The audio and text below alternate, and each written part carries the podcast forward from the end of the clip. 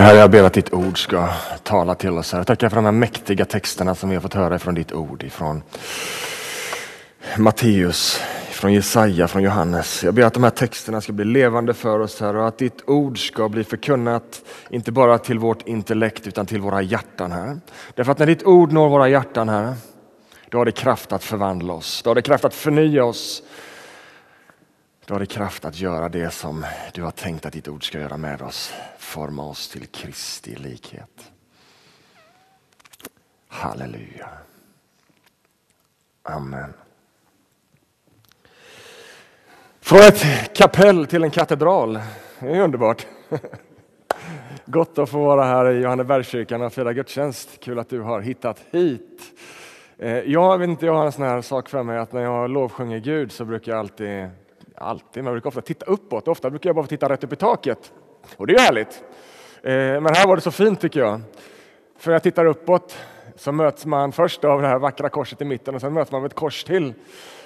Så underbart. Kristus har kommit till oss. Och Kristus han kommer åter att komma igen. Jag blir så påminn om det i, i lovsången. Jag tycker det var så ljuvligt att bara få tillbe med Kristus för blicken. Han har kommit till oss för att rädda oss, för att möta med oss och han ska komma igen för att fullborda sin frälsning. Och i den tid som vi lever i nu Han ska verka på deras hjärtan här.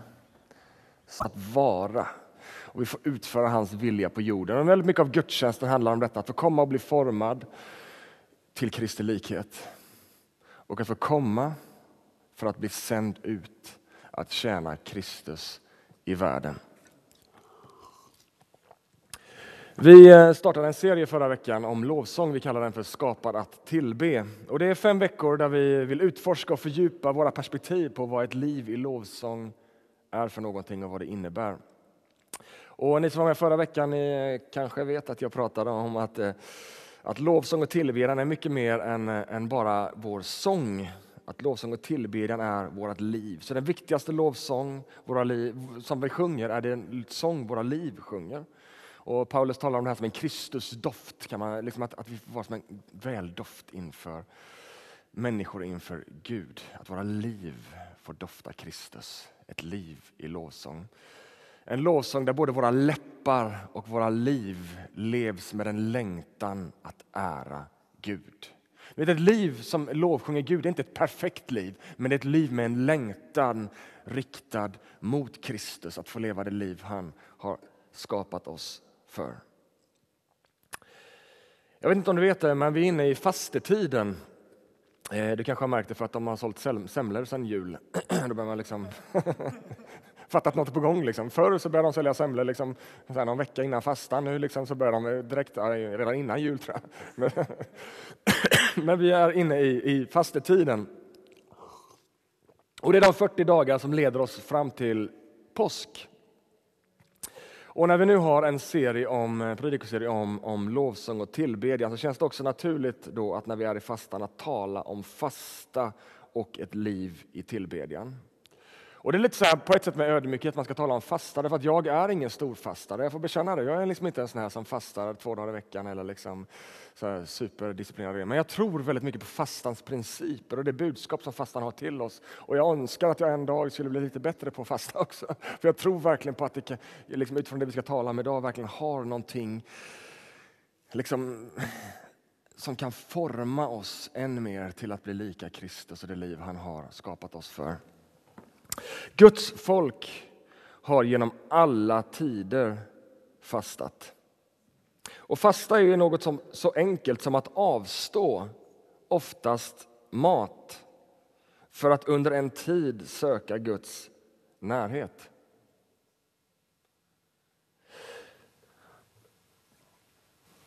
Och för mig blev det så tydligt i min förberedelse av den här undervisningen att fasta är, det är inte bara att avstå, utan fasta är som en kroppens bön.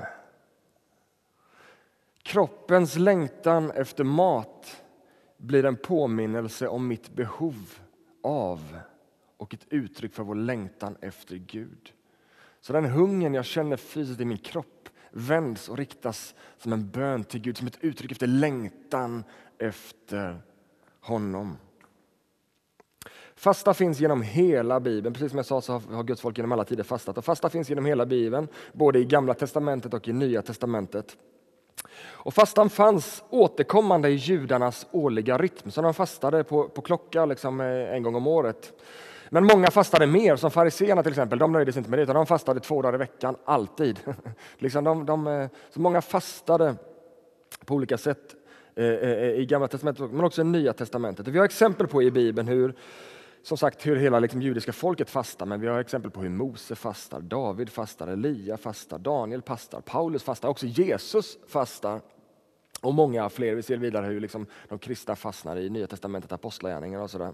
Och alla fastar som ett uttryck just efter detta som vi sa, att liksom den kroppens bön, det är ett uttryck efter längtan efter mer av Gud, att få leva i hans närhet och få leva i hans vilja. Och enkelt sett kan man säga att Bibeln målar upp två typer av fasta.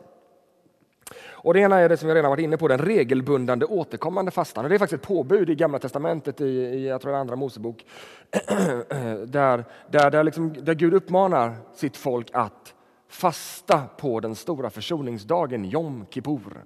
Den liksom, eh, som var en gång om året. Då skulle alla, hela det judiska folket fasta. Och det var en dag då prästerna bekände folkets synder. Så det är alltså en förebild på den förlossning, för den försoning som skulle komma i och med Kristus. Och det här är en fasta som judarna håller än idag, på den stora försoningsdagen. Så det är den regelbundna återkommande fastan. Gud tänkte att det här är bra för mitt folk, att ha en rytm av att fasta. Därför att fastan gör någonting med oss. Men sen så ser vi också i Bibeln en annan typ av fasta. Och jag, Bibeln ger inget namn på det, men jag skulle kunna kalla den för behovsfasta behovsfasta. En fasta utifrån behov och utifrån längtan. Alltså när man känner ett behov av att fasta. Och I Bibeln så ser vi det här behovsfastan både enskilt och kollektivt. Ibland så liksom utlyser man kollektiv fasta därför att man står inför en utmaning som nation till exempel och fastar man. Men det finns också enskilt när man känner ett behov av omvändelse eller behov av Guds ledning eller ett Guds ingripande i en särskild situation, då fastar man. Men oavsett specifik anledning till fasta, om det är omvändelse eller om man behöver Guds ledning eller ingripande, så ytterst sett så uttrycker fastan en längtan efter en fördjupad gudsrelation, gudsnärhet och en längtan att leva i Guds tanke. Och Det här leder oss in i min predikans första huvudpunkt. Att fasta förkroppsligar vår längtan. Nya testamentet uppmanar inte till någon specifik årlig regelbunden fast Det är inte så liksom att som i Gamla testamentet, där på stora försoningsdagen ska ni fasta. Vi hittar inget sånt i Nya testamentet där Jesus säger att ja, ni ska fasta 40 dagar innan påsk eller ni ska fasta under advent. Liksom vi hittar inte det. Kyrkan har sagt att det är en bra rytm. Liksom. Vi, vi, vi, tror på det här med fasta. Så därför finns fastan i kyrkans kalender. Men Nya testamentet uppmanar inte till, till liksom någon specifik dag eller tid att fasta. Faktum är faktiskt så till och med, ursäkta jag är jätteförkyld. Faktum är faktiskt så att lärjungarna till och med hoppade över den här eh, liksom årliga regelbundna fastan. Så i Matteus 9 som vi hörde, hörde eh, Pierre läsa så, så kommer Johannes lärjungar till Jesus och frågar honom varför fastar inte dina lärjungar som vi och fariseerna gör? Jesus svarade bröllopsgästerna kan väl inte sörja medan brudgummen är hos dem men en dag ska han tas ifrån dem och då kommer de att fasta. Och Det här visar ju väldigt tydligt att fastan liksom är inget påbud. Vi måste fasta liksom vid olika tider eller punkter. eller sådär. Det är inget som vi måste göra. Det kanske till och med är så. Om det är något vi måste göra kanske vi missar poängen med fastan. Lärjungarna upplevde inget behov av att fasta och då struntade de i det.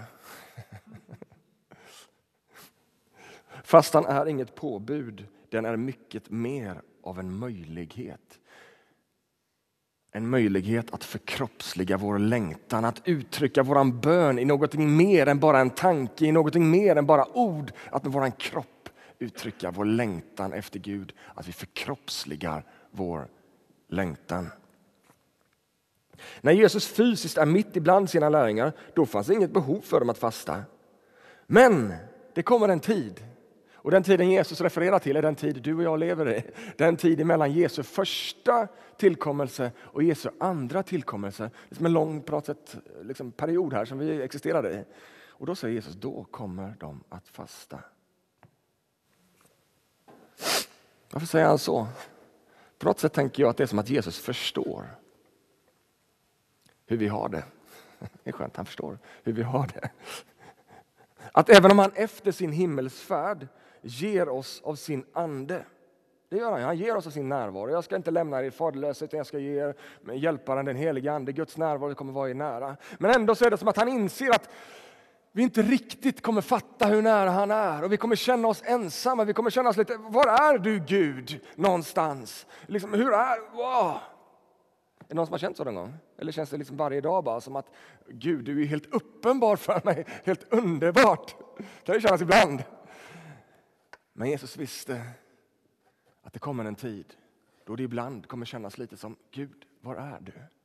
Och då kommer mitt folk, säger han, ha ett behov av att förkroppsliga sin längtan efter mig, att uttrycka Gud, jag längtar efter dig. Och Jag tror att vi här kommer ganska nära vad fasta delvis åtminstone är för någonting. Att fasta är just det här uttrycket av längtan. Fasta är ett erkännande av att vi längtar efter att Gud skulle vara närmre. Fasta är att förkroppsliga vår längtan, alltså den längtan som finns här i vårt inre.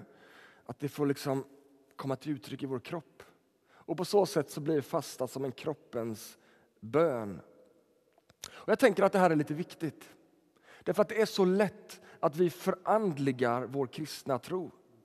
Det blir bara något andligt projekt någonstans, liksom en tankebana eller någon form av liksom utanför mig själv-grej, liksom, eller här uppe eller jag vet inte vad. Men Gud har skapat oss som hela människor och fastan erkänner det här. Att den kristna tron är inte bara ett andligt projekt utan kristen tro innefattar hela oss, det inre och det yttre. Fastan hjälper oss att koppla ihop det andliga och det fysiska, det inre och det yttre. Och att vi lever hela våra liv inför Gud. Fastan är att för en kort tid låta den fysiska hungern efter mat istället får riktas till Gud i längtan och hunger efter honom, en kroppens bön. Att koppla ihop det andliga och det fysiska. Därför att precis som vi talade om förra veckan så är vi kallade att frambära våra kroppar. Hela oss som ett levande offer inför Gud. Detta är er andliga gudstjänst. Hela våra liv inför Gud. Människan är inte en ande fängslad i en kropp som vi försöker befria oss ifrån. Som en del religioner vill hävda och en del även i kristna kretsar har velat hävda. Det är bara det andliga som är viktiga. Nej, vi är skapade av Gud som hela människor. Vi lever hela våra liv inför Gud och fastan erkänner det här att hela våra liv. Det spelar roll hur du lever ditt liv.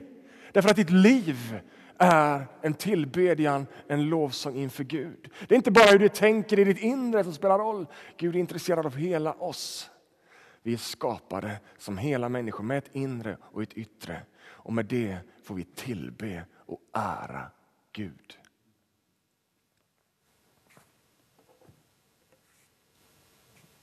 I lovsång så lyfter vi kanske ibland våra händer i tillbedjan. Vi involverar kroppen. Bibeln till och med uppmuntrar oss att lyfta våra händer. Och att med vår kropp ära Gud. I livet så lever vi hela våra liv som en lovsång inför Gud. Läpparnas sång, hjärtats längtan, hela det liv vi lever. Och fastan också involverar kroppen. Så det var min första punkt, att fasta förkroppsligar vår längtan. Och det är någonting bra. Tänker jag. Nästa punkt, att fasta erkänner Jesus som livets bröd. Fasta är att uttrycka en längtan, men fasta är också att erkänna att det bara är Gud som kan mätta denna längtan. Så vi lever våra liv med en längtan. Jesus säger det. Det kommer en tid då de kommer längta efter mig. Då kommer de be, de kommer fasta, de kommer lovsjunga, de kommer tillbe. För de längtar efter min närhet. Och jag kommer vara där och möta dem, absolut. För jag har gett dem min ande. Jag är nära. Så det finns en längtan efter honom. Men fasta är också att erkänna att det bara är hos Jesus som den här längtan kan bli mött. Mat. Jag älskar mat. Det är ett, en stor välsignelse i mitt liv, också en stor belastning. Jag skulle kunna äta mig till döds. Jag älskar mat, jag älskar att laga mat, jag älskar äta mat, jag älskar njuta av mat.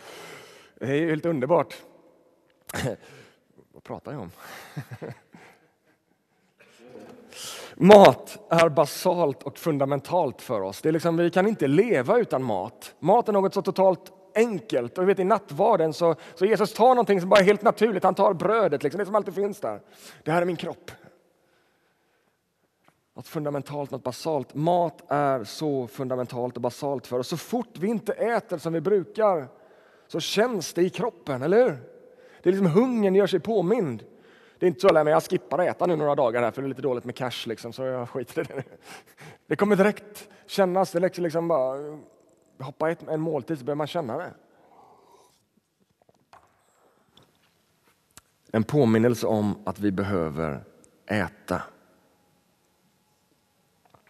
Fasta är att erkänna att det finns en annan hunger som är viktigare att släcka än den hungern som magen uttrycker.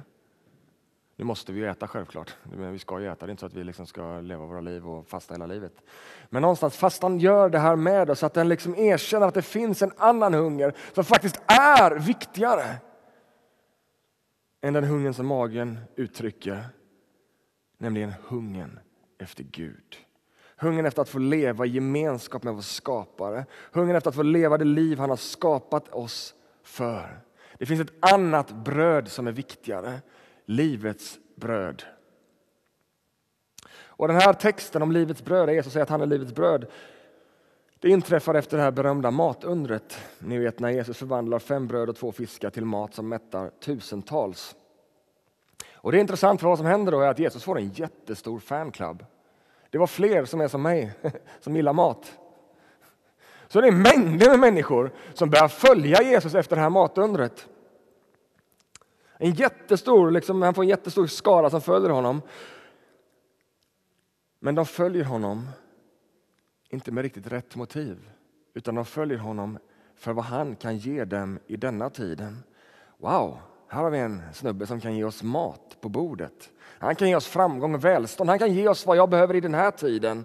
Honom måste vi följa. Vart köper man boken? Var liksom signar man upp sig? Vad är grejen? Liksom, jag vill vara med. Jag vill liksom ha del av, av, av de här coola grejerna. Och det är sant att Gud kan välsigna oss på massor med sätt i den här tiden. Det är jättesant. Men det finns någonting som är mycket viktigare och som går långt mycket djupare i våra liv än magsäcken. Så Jesus bemöter dem som följer honom efter, efter det här liksom matundret och så säger han i Johannes 6 att ni söker inte efter mig för att ni har fått se ett tecken. Ni söker efter mig och följer mig därför att ni fick bröd så att ni kunde äta er mätta. Men jag säger er, arbeta inte för den mat som förgås utan för den som kan ge er evigt liv, den som Människosonen ska ge er. Vad säger Jesus? Han säger lev inte era liv för den mat, för de prylar, för den njutning som förgås, utan lev för den som kan ge er evigt liv. Jag vet inte hur det är för dig, men för mig kommer det ganska naturligt att tro att tillfredsställelse kan köpas. Om jag bara får en sommarstuga eller bara får ett nytt hus, snyggare tapeter, en resa till, om jag bara får ett annat jobb, bara för de där nya högtalarna, liksom det kommer att bli helt annorlunda i mitt liv. Alltså. Wow! Ingenting av det här är fel. Allt det där är fantastiskt. Gud vill att vi ska njuta av livet. Men han vet att det är först när vi inser att vår enda fullkomliga tillfredsställelse finns hos honom. Det är först då som vi kan njuta av livet på allvar. Det är inte så att Gud vill rycka njutningen ifrån oss. Men han vet att det är först när han kommer först som vi kan njuta av allt det andra också. Fasta är att rekalibrera, finns det ett sånt ord? rekalibrera våra liv. Fasta är att komma till insikt om att inte alla prylar eller upplevelser i hela den här världen kan möta våra innersta djupaste längtan. Fasta är att erkänna att bara Jesus kan mätta vårt hjärtas hunger och släcka vårt hjärtas törst. James K. Smith, som är en filosof, teolog, författare som kommer till Sverige i maj. Han eh, har sagt så här om fastan, att mitt deltagande i fastans formativa discipliner är inte en ny chans för mig att visa upp något för Gud eller andra. Nej. Fastan är en inbjudan att få rikta om min hunger. En inbjudan om att få rikta om min hunger. Den hunger jag känner i min kropp, den här förkroppsligade bönen, det här som känns här inne. Att få låta det bli en rekalibrering, att få låta det påverka det fysiska, få påverka det inre. Att mitt liv får riktas mot han som verkligen kan mätta min hunger och släcka min törst. Han som är livets bröd, han som är det levande vattnet, han som kan möta oss. Fasta är att med hela min kropp tala om för hela mig hos vem och hos bara vem som jag kan bli mättad. Och Jesus fortsätter att säga till folket som följde dem efter brödundret, brödet från Gud är det som kommer ner från himlen och ger världen liv. Herre, sa de, ge oss av det här brödet. Då svarade Jesus, jag är det där brödet. Jag är livets bröd. Den som kommer till mig skall aldrig mer bli hungrig och den som tror på mig skall aldrig mer bli törstig. Fastan är att erkänna den här, att den här världens bröd aldrig kan släcka vår hunger eller vår törst. Fast är att uttrycka att Gud är den enda som kan möta vår hunger. Jesus, du är livets bröd. Hjälp mig att leva mitt liv så att jag blir mätt på rätt sätt. Fasta är att koppla hung, kroppens hunger med hjärtats hunger. Att för en måltid eller en dag eller några dagar, ja, om du är helt crazy som Jesus, 40 dagar. Fast det är att för en tid välja att låta kroppens hunger få bli ett uttryck för hjärtats längtan och hunger efter Gud. Eller om man gör en alternativ fasta och fasta från något annat som du hungrar efter Sociala medier, film, träning. Det kan vara mängder saker.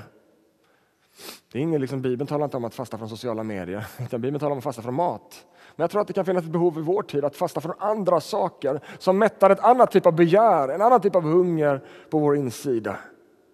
Så när din själ hungrar efter den bekräftelse som träningen ger dig, efter den bekräftelsen som sociala medier ger dig, då avstår du träningen. Då avstår du sociala medier, då avstår du Netflix, då avstår du vad det nu är. Och istället låter den hungern få bli ett uttryck för bön och Guds längtan. Så att alla vi som har ätit oss hungriga på syndens frukt istället får komma till Jesus och äta oss mätta på livets bröd. Därför att denna världen, vi kan bara äta och äta och äta. Och det bara lovar, synden är sån att den bara lovar att mätta ditt begär och släcka din hunger. Men ju mer du äter av den, desto hungrigare kommer den lämna dig. Så du tror att du måste ha mer och mer och mer och mer. Och sån är den här världens erbjudande. Den lovar att mätta mätta ditt begär, men den kan inte mätta ditt begär. Därför att Jesus säger att det enda som kan mätta ditt begär, det är det bröd som kommer ner från himmelen, det är det bröd som ger världen liv. Jesus Kristus kan mätta ditt hjärtas hunger och släcka din själs törst. Till sist, fasta är en inbjudan till det liv Gud kallar oss att leva. Och Det är en mäktig bibeltext vi hörde från Jesaja 58. Jag ska inte återge hela, men jag ska återge delar av den. Nej, det här är den fasta jag vill ha. Det är Jesaja 58, vers 3. Nej, detta är den fasta jag vill ha.